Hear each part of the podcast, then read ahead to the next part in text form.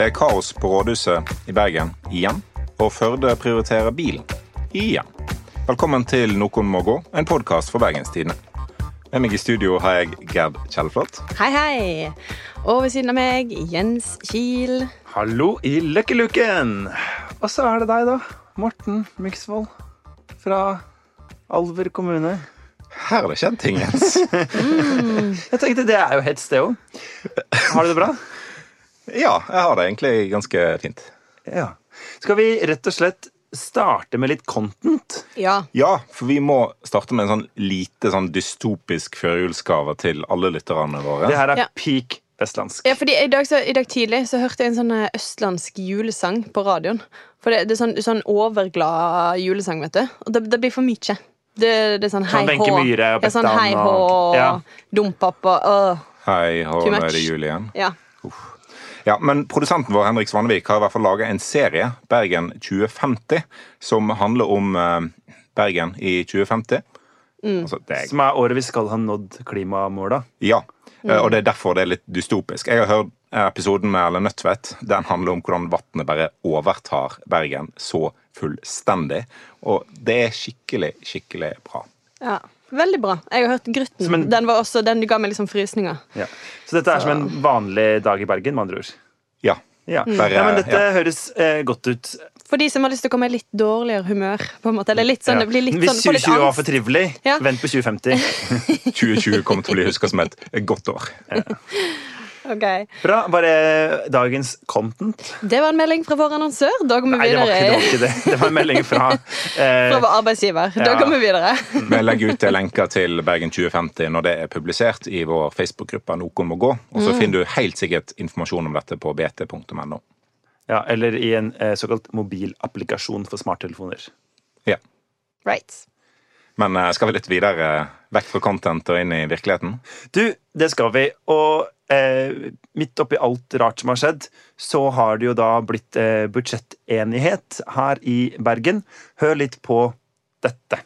For meg og for oss i Arbeiderpartiet så er det svært viktig at vi med dette har et flertall for byrådets budsjett med de tilleggene som ligger i avtalen, sånn at eh, vi har trygghet for at Bergen styres med et godt budsjett også kommende år. Det var altså eh, Rune Bakevik i Arbeiderpartiet akkurat så jublende lykkelig som en sosialdemokrat pleier å høres ut i våre dager over at byen hadde fått et eh, budsjett. Og han var den gladeste på den pressekonferansen. Eh, Ja. Resten av gjengen så eh, Så ikke ut som de hadde sin beste dag. Nei, det var litt sånn eh, Men det, og det som er så rart, er at alle sammen bruker eh, det samme ordet, nemlig historisk, om forskjellige satsinger. Eh, vi kan eksempel høre litt på Anne eh, Britt Reigstad i Senterpartiet. Hør på dette.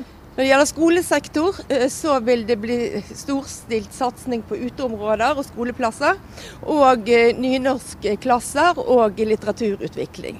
Vil dere høre eh, Mikkel Gryner i SV også? Er dere gira på deg?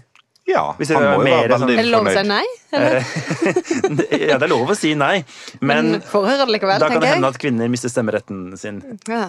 Øh, Ja, øh, SV er fornøyd med å ha kommet til enighet med byrådspartiene og Senterpartiet om en avtale som sikrer ikke minst at vi viderefører det historiske fattigdomsløftet som vi ble enige om i fjorårets budsjett, med 20 nye millioner. Så har det vært viktig for oss òg at vi øh, fikk inn øh, økninger på øh, viktige klima- og miljøsatsinger. Der ligger det øh, i overkant av 30 nye millioner. Det er vi veldig fornøyd med. Og disse tre da, har jo da sammen eh, Altså, det er jo da SV og Senterpartiet som har skaffa flertall sammen med byrådspartiene, som er Arbeiderpartiet, KrF, Venstre og MDG. Alle bruker eh, ordene historisk, og alle er litt sånn Ja, ja, dette var så godt vi fikk til. Ja, for da hører du, det er litt sånn Å, vi er veldig fornøyd med å ha det rodd i land, dette budsjettet. De høres omtrent like uh, ut som de er like interessert i dette bybudsjettet som jeg er, for å være helt ærlig. Boom! Du satt ikke der med kaffe og kake og fulgte pressekonferansen. Nei, jeg føler at Forrige uke så snakket vi om statsbudsjettet, og dette er den skikkelig dårlige oppfølgeren, bybudsjettet. Åh. Jeg eh, er jo derimot utrolig happy. Jeg føler klima, sosialhjelp og eh, nynorsk er de tre profilsatsingene i forliket. Og det å kaste inn to eh, millioner på satsinga på nynorske parallellklasser i Bergen må jo være tidenes dyreste eh, innsalg for å klare å bli nevnt i Noen må gå. Podcasten, Det er for så vidt sant. Ja, Men det funker, da. Ja, det funka. Men jeg er jo veldig Jeg syns dette høres helt supert ut. Men spørsmålet er egentlig eh, ok, 20 millioner til klima, 6 millioner til psykisk helse, eh, satsing på disse MO-sentrene for folk som er eh, rusavhengige, eh, og da ca. 20 millioner til sosialhjelp og bostøtte. Er det noe på en måte, altså Hvis man ikke tenker på at altså de menneskene som får mer sosialhjelp eller trenger MO-sentrene, får det jo åpenbart eh, bedre enn alternativet var. Men som politisk sett, er det noen som kan vinne noe på dette budsjettet? Nei, men ingen bryr seg jo. Det, jeg, jeg er ikke imot budsjettet. Altså, sånn Fint at vi har et budsjett. Det er, det er fint at vi har et budsjett. ja, så bare for å avklare det, Jeg bare syns det er litt kjedelig, hvis jeg skal være helt ærlig. Og det tror jeg veldig mange syns. da Og at folk kanskje ikke um, tenker så masse på dette akkurat nå.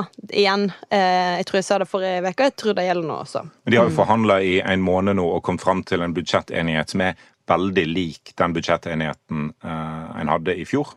For eh, 2020-budsjettet. Eh, Da var det snakk om 40 millioner mer til sosialhjelp. Eh, Så det er jo litt, litt lavere tall nå.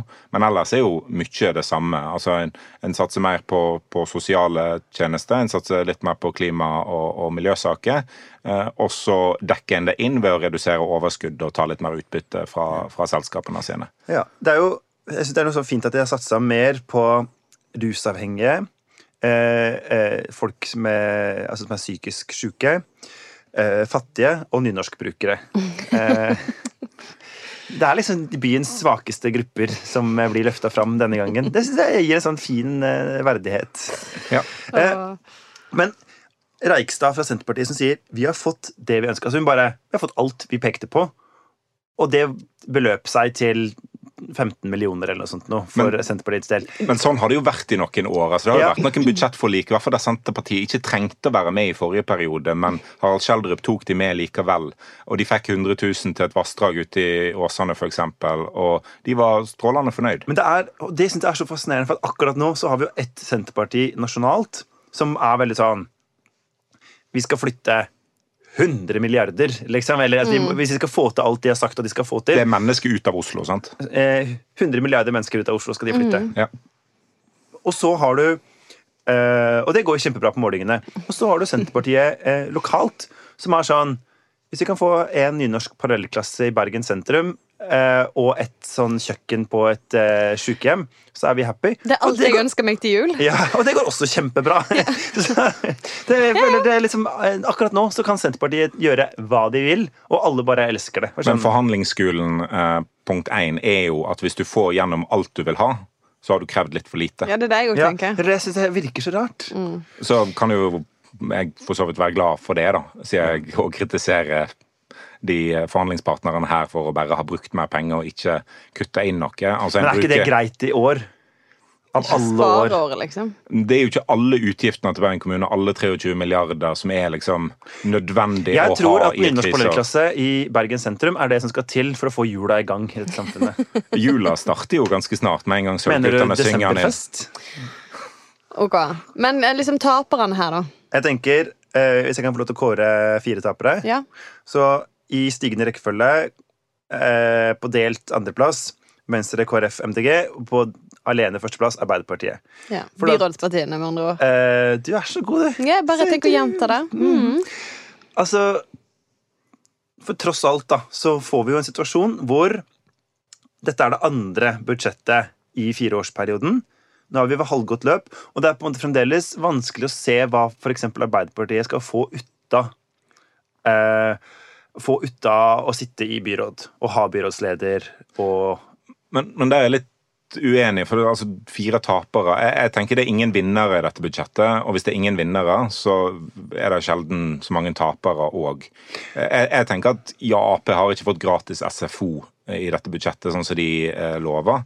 Men det hadde jo heller ingen forventa etter koronaen kom til landet. Så jeg tror jo byrådet får et lite eh, liksom, godkjent stempel på, på det, at en utsetter eh, noen Men lovnader. da er det jo ja, det at f.eks. SV da får den eh, økninga i eh, sosialhjelps- og bostøttesatsene som de har sagt til sine velgere at det skal vi få til hvis vi skal støtte et budsjett. Eh, så de kan på en måte si vi kvitterer ut seire. Men Eh. sosialhjelp er jo litt enklere å argumentere for i et kriseår, at det skal på plass, enn gratis skolefritidsordning. Ja, men de fikk det også i fjor. Ja da, det gjorde de. Ja. Og så er det jo det at altså når um, det på en måte er Senterpartiet og SV som må inn og redde uh, på en måte de tiltakene vi har som retter seg mot folk med rusavhengighet i byen, så er det sånn Det er ikke bra for Venstre. For eksempel. Altså sånn, når, når de partiene må inn og forsterke klimasatsinga, det er ikke bra for MDG. Eh, og, sånn, og det er liksom det som blir problemet med at byrådet ikke har flertall. Og at eh, altså der du har det er på en måte, Du kan si mye rart om Venstre, eh, KrF og Høyre-regjeringa mot Frp, men de har jo på en måte helt ulike signatursaker. Mens her er det sånn, alle disse partiene har egentlig de samme sakene. Og da blir det plutselig SV kanskje da, som mest av alt får sånn klima- og sosialgevinsten mot en, mm. et byråds... eh, Det er de som får skinne, da. De, det, I Ja. hvert fall I fjor fikk de skinne. I år så var det helt alvorlig. Det var ikke så mange som skein. Hva- Hvordan bøyer man skinne? Eh, er Skein, kan du si. Ja. Eller, men det, eller altså, hva, hva sier de i Åkrafjorden? Det veit ikke jeg vet ikke. Men det er litt enkelt å, å tenke sånn at hvis det kommer i en budsjettavtale med to opposisjonspartier, så er det opposisjonspartiene som har forhandla det gjennom. Men eh, budsjettforhandlinger på bystyresida er jo òg partiene i byråd sin sjanse til å på en måte forhandle med byrådet. Så Venstre i bystyret og Arbeiderpartiet i bystyret vil kanskje gjøre noen andre prioriteringer enn det eh, Venstre og Arbeiderpartiet Men har det gjort vet i ikke byrådet. velgerne. Nei. Nei, det er derfor jeg sier det nå, for Ja. da kan kanskje noen velgere òg høre at det er ikke, budsjettforhandlinger er ikke byrådet mot resten alltid. Det kan være byrådsparti mot byrådsparti Mot som tar omkamper. Myksvolds lille eh, bergenspolitikkskole. Ja. Ja. I hvert fall oppsummert. Eh, på Stortinget så sier man jo gjerne at det er Senterpartiet som er de beste og råeste forhandlerne, og Høyre som er de mest elendige. Lokalt så får jeg litt en følelse av at kanskje altså Enten er Senterpartiet helt rå, at de bare har fått igjen helt utrolig mye uten at vi har skjønt det, eller så er de rett og slett litt for smålåtne. Muligens. De er vestlendinger. De er rett og slett eh, vestlendinger. Men dette var på en måte ikke den store tingen i eh, bergenspolitikken eh, de siste ukene, Morten. Nei, et budsjettforlik på nesten 90 millioner klarte ikke å på en måte ta oppmerksomheten vekk fra en etat for helsetjeneste som smuldrer opp. Altså Folk sier, opp, og, og, og den er jo nesten tom nå. Hør litt på dette. Det har stormet rundt helseetaten i Bergen den siste tiden. I slutten av november sa smittevernoverlege Karina Koller Løland opp stillingen sin. Årsaken var misnøye med at hun ikke fikk være en del av den sentrale kriseledelsen i kommunen.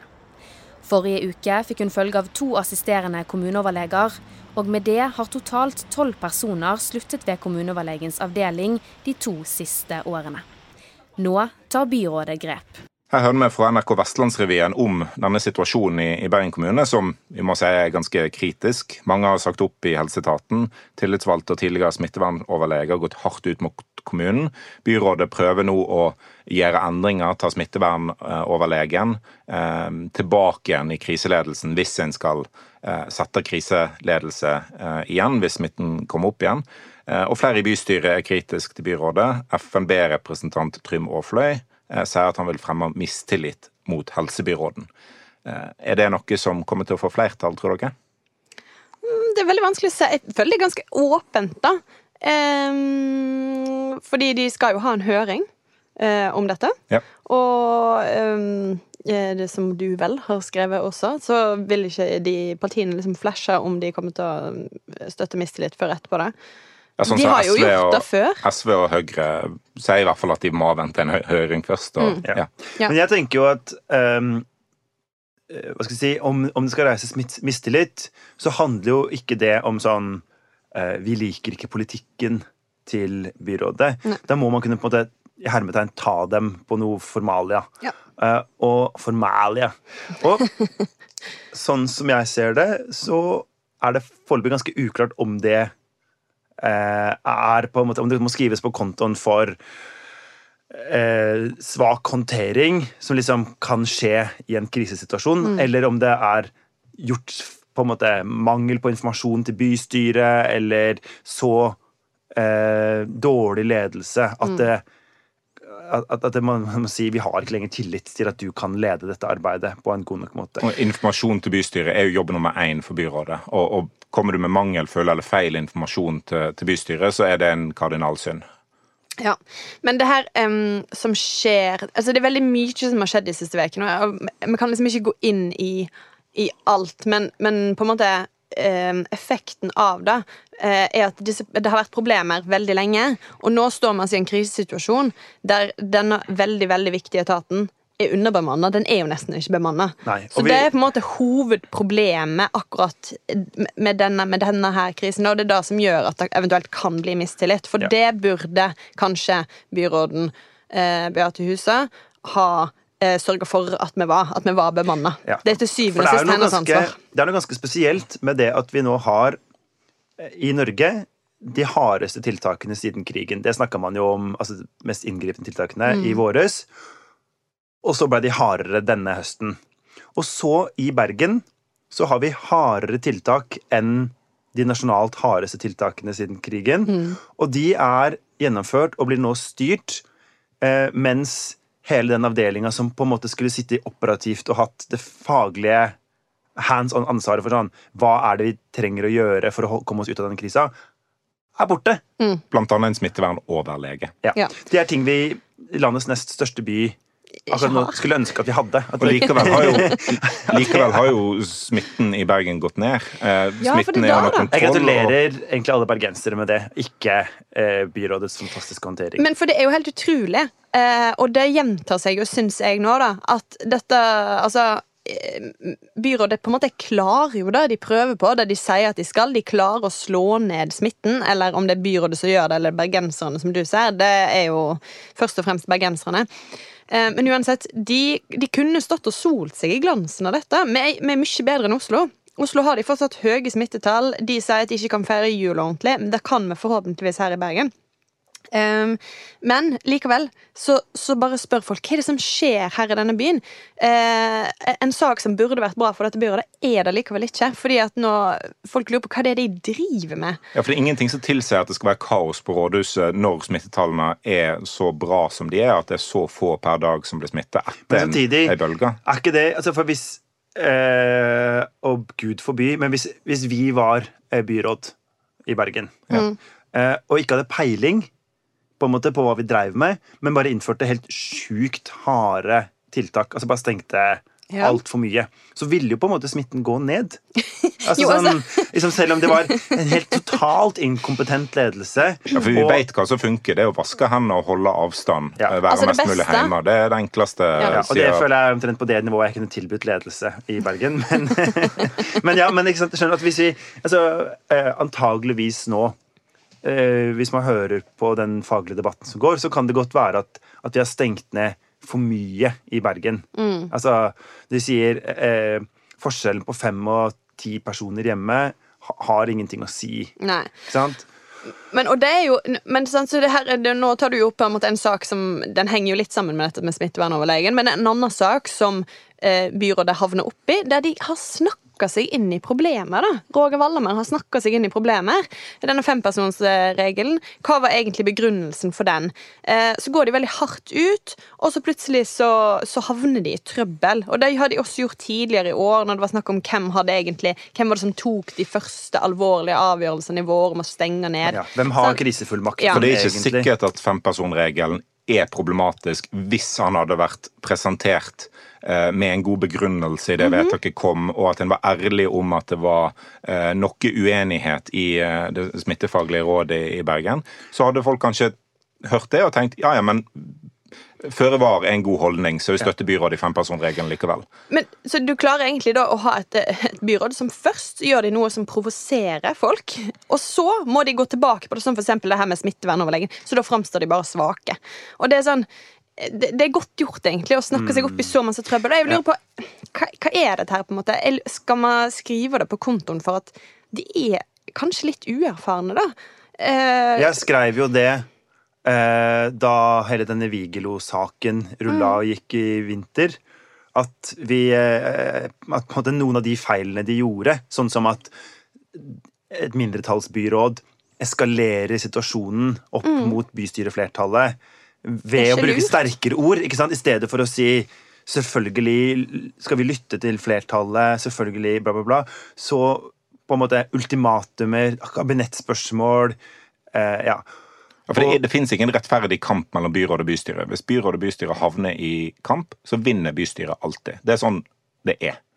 og skal være. Ja. Eh, og og det, er, det er de bergenserne har valgt til å styre byen sin. Ja. Uh, og, da, og, og jeg tror at det ligger en uerfarenhet i dette. Uh, det er ingen der som har, altså, som har styrt gjennom kriser på dette nivået. Og det kan du si det er det jo ingen som har uh, noen plass, på sett og vis. Nei, men ikke sant, sånn som, eh, sånn som at de som nå er statsråder for Høyre, kanskje særlig Høyre, eh, satt jo også veldig mange av de på Stortinget under finanskrisa. Eh, mange av de har jo satt jo nå selvfølgelig i regjering under oljeprisfallet da denne regjeringa tiltrådte.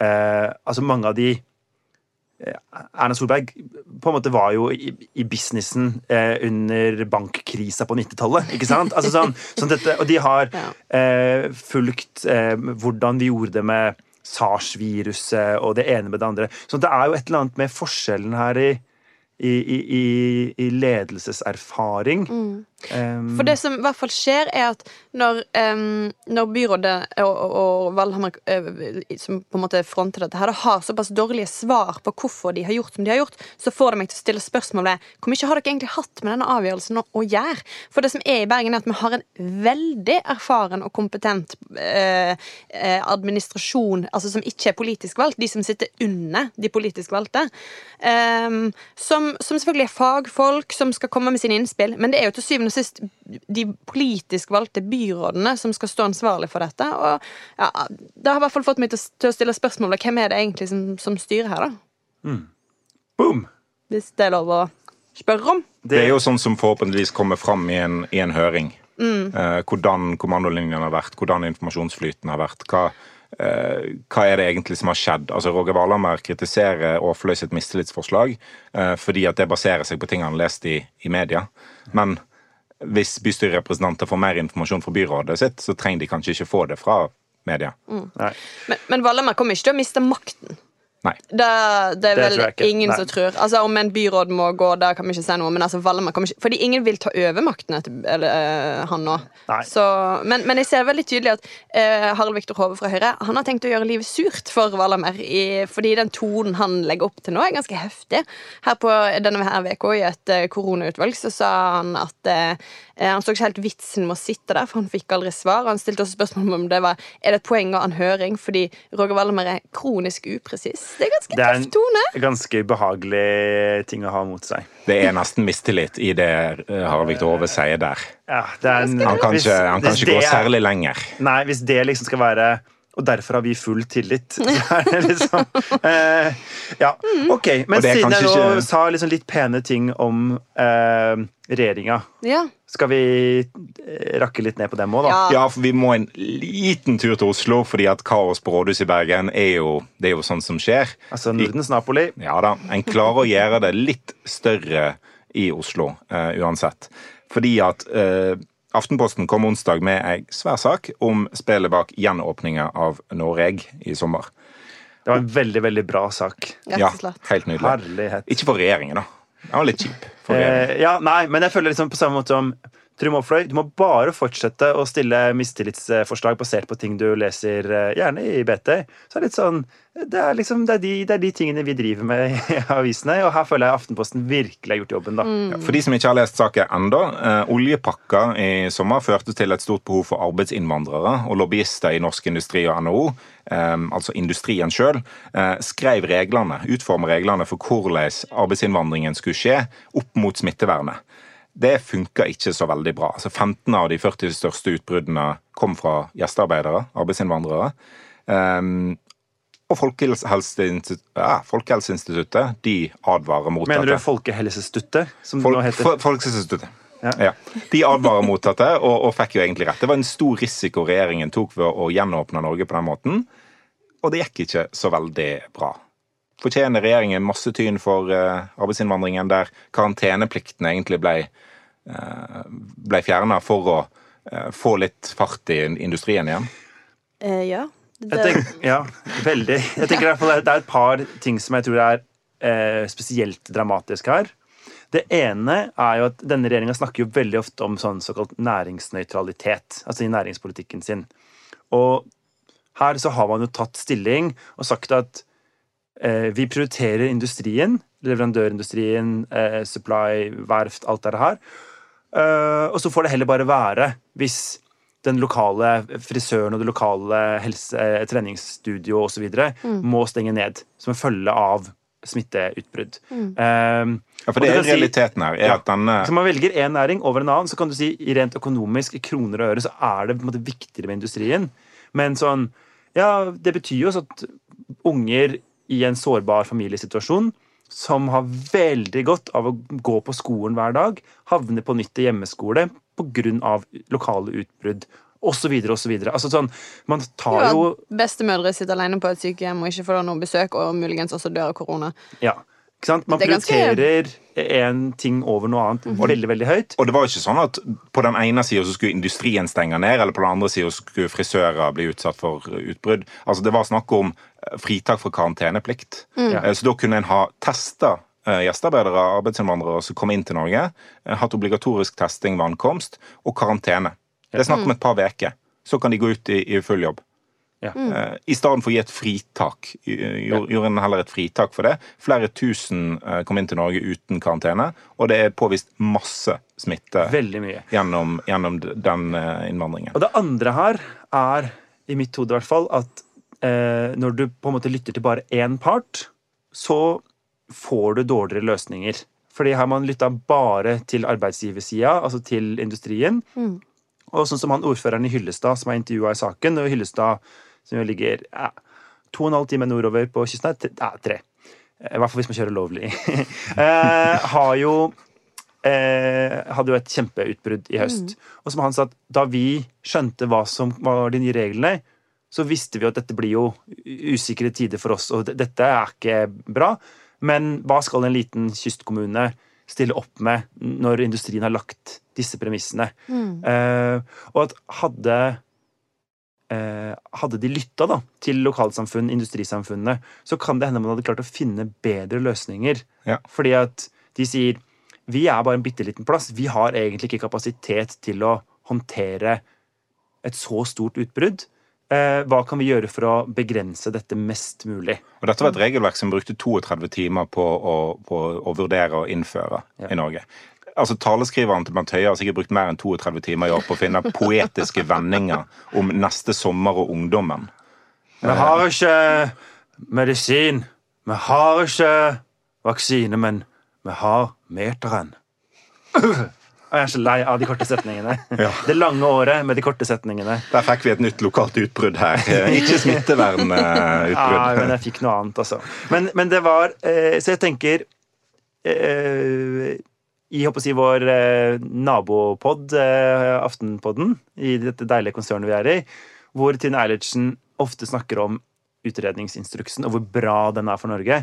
Her er jo et sånt eksempel på hvis du lytter til flere enn én part, så går det antageligvis an å finne en smartere løsning som gjør at ikke industrien må stenge ned. Du kan bruke 48 timer istedenfor 32, og og så noe, liksom eh, eh, Så unngår du alle de andre ekstremt dramatiske konsekvensene. Det hadde kanskje gått kortere tid enn 32 timer òg, hvis ikke han ene industrimannen var ute i marka og var på tur.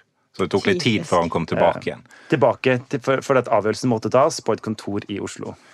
Typisk kontor i Oslo. Ja. Vi skal ut av den mølja eh, til vår faste spalte Og Vestland, der Jens er på jakt etter hvorfor Vestlandet har blitt sånn som det er. Hvor har du reist i dag, Du, Jens? fra Hyllestad så skal vi litt innover fjorden, egentlig. Til eh, Førde. Igjen. Ja, fordi Det er eh, repetisjonspodden, dette her. Altså, Byrådet i Bergen har problem. Check. Eh, Det er kaos på rådhuset i Bergen. Check. Og vi er litt sur på de her korte setningene til Bent Høie. Og så skal vi til Førde. Ja, og noen har gjort noe dumt på et kontor i Oslo. Ja. Men det Ja. hørte før. Hørte før. Men i alle fall Vi har jo snakka om eh, byutvikling i Førde noen ganger. Det hadde vært en god idé. Og Oi! nå må du være litt god med førdianerne, Morten. Eh, og det som nå skjer, er at i Førde så har de et eh, slags eh, kunstverk. Og det kunstverket står i eh, krise. Vi har, eh, vi har hatt et klipp fra denne lille sendinga før, men jeg tror vi skal bare nyte eh, lyden av Førde et lite øyeblikk likevel. Hjertelig velkommen til guidet omvisning i Førde. Vi, I dag skal vi fokusere på Hei, hei. I dag skal vi fokusere på sentrum. Sentrum skal vi fokusere på i dag. Dette er NRK Sogn og Fjordane. Her blir det produsert lokalt eh, NRK-innhold for Sogn og Fjordane. I tillegg til serier som Der ingen skulle tro at noen kunne bo. Kom, kom! Dette er Førde stadion. Du har aldri spilt på gress her. Alle lærervikarene på barneskolen var A-lagsspillere for Førde igjen. Disse benkene tar på en god dag 150 mennesker. Ja. Dette er den berømte laksen. Ja, for denne formasjonen her, hvis du ser den overfra, så er det en laks. På denne laksen her, så har eh, blant annet har jeg vært der og sett norsk skielite med Bjørn Dæhlie i spissen gå skirenn på laksen. Det er bare å ta bilde. Det er bare å ta bilde. Det var Ronny Brede Aase. Jeg sier det med liksom gode r-er. Ja, du må det. Ronny Brede Det er rulleære, så jeg vet ikke hvor gode de er. Ja, Klarer du okay. å si det med rulle? Nei. Få høre. Nei. Oi! Som eh, viser litt rundt. Laksen. Det er 65 meter med land art. Hva kan vi kalle det? Landkunst?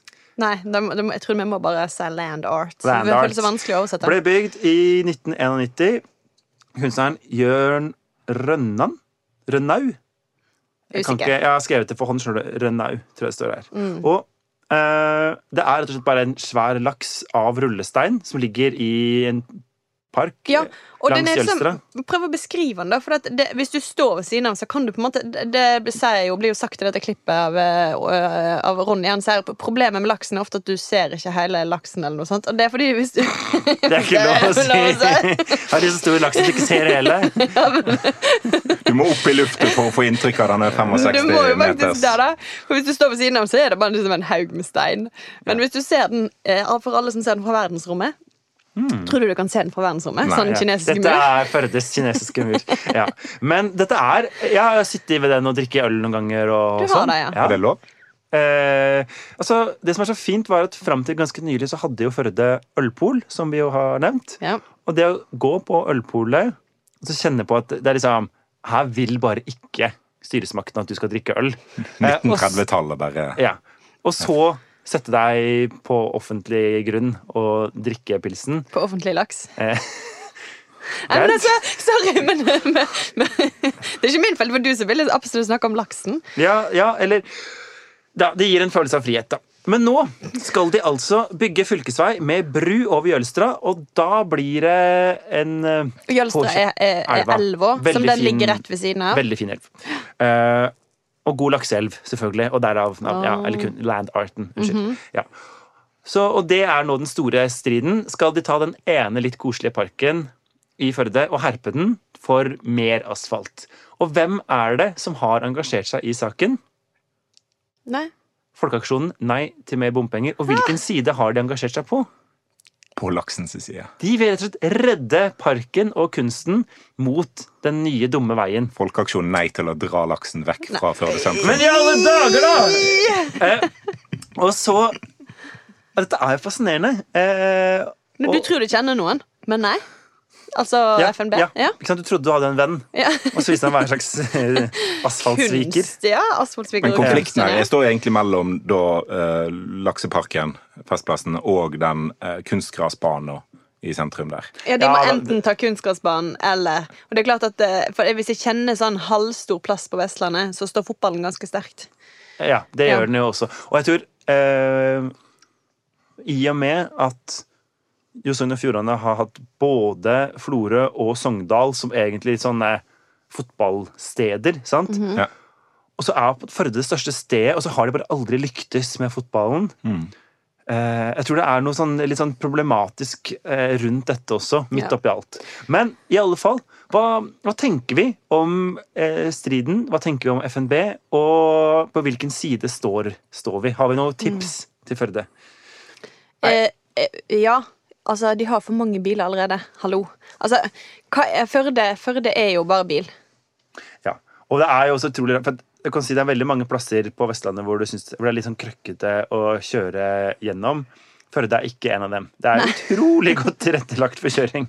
Det bare, ja. nå skal en lage en, en, en innkjøring til til denne festplassen, sånn at det skal bli lettere å parkere der. ikke det sånn? Ja, et eller annet. Jeg har ikke helt skjønt akkurat hvorfor de trengte den, men de, de trenger dette åpenbart. Ja. Ja. De, de trenger å kjøre litt mer bil der oppe. Men, også, men de, har, de har jo ikke veldig masse kunst, da. De har Oddvar Thorsheim-statuen, og så har de denne laksen. Ja, de har Kunstmuseet. Oh, ja. ja. Har du vært på det? Nei. Det kan jeg anbefale. Ja, det skal jeg. Men Har de eh, parkeringsplass utenfor Kunstmuseet? Eh, På andre sida av veien. Nei, da da gidder jeg ikke. Der må det, de- Fylkesveien. jeg vil ha et drive-in kunstmuseum i Førde. hvis, altså, hvis det var én plass det skulle være, Det så så hadde det vært Førde. Men de har jo lært av storbyen her, da. Um, Jeg så et debattinnlegg, eh, jeg så et debattinnlegg i, i lokalavisa der oppe som eh, viste til Oslo. Eh, Der de har eh, nylig tatt ned Picasso fra Y-blokka. Fordi de skulle, holder jo på å rive Y-blokka i Oslo for å bygge eh, et kontor borte i Oslo. Mm. Regjeringskvartal. Men der Picasso-kunsten kan flyttes, så kan du ikke flytte laksen. Den er for stor til det, er argumentet. Ja, for som jeg la oss i et leserinnlegg, den er kanskje slash truleg den største laksen i verden. Ja. Det er, er, fins ingen tilsvarende laks noen annen sted. Kanskje det fins en grunn til at det ikke fins en jeg, tilsvarende den er jo fin, og det er jo en liksom Det er imponerende. eh, Og det er en hyggelig park, og alt er bra med det. Ja.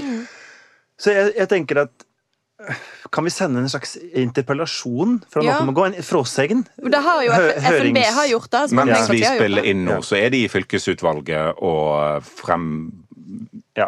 stiller dette spørsmålet Og og synes ber jo Knut Inge Andersen, som er da eh, gruppeleder på fylkestinget der, og som skrev et ganske godt begrunna innlegg i BT om hvorfor FNB er det fremste kultur- og miljøpartiet på Vestlandet nå. Ja. Og som pekte på liksom Det er vi som kjemper for laksen i Førde og Bokbåten, Epos og penger til eh, eh, klassisk musikk og til Altså i det hele tatt Jeg syns det er ganske kult at de overrasker oss. Jeg tror kanskje de Jeg mistenker at de også overrasker velgerne litt for mye. Jeg tror meningsmålingene tyder på at velgerne ikke var så klare for den overraskelsen. Det var kanskje ikke helt det en ville ha. Nei, Eh, men- men det er nå det en får. Men det var også det de gikk til valg på.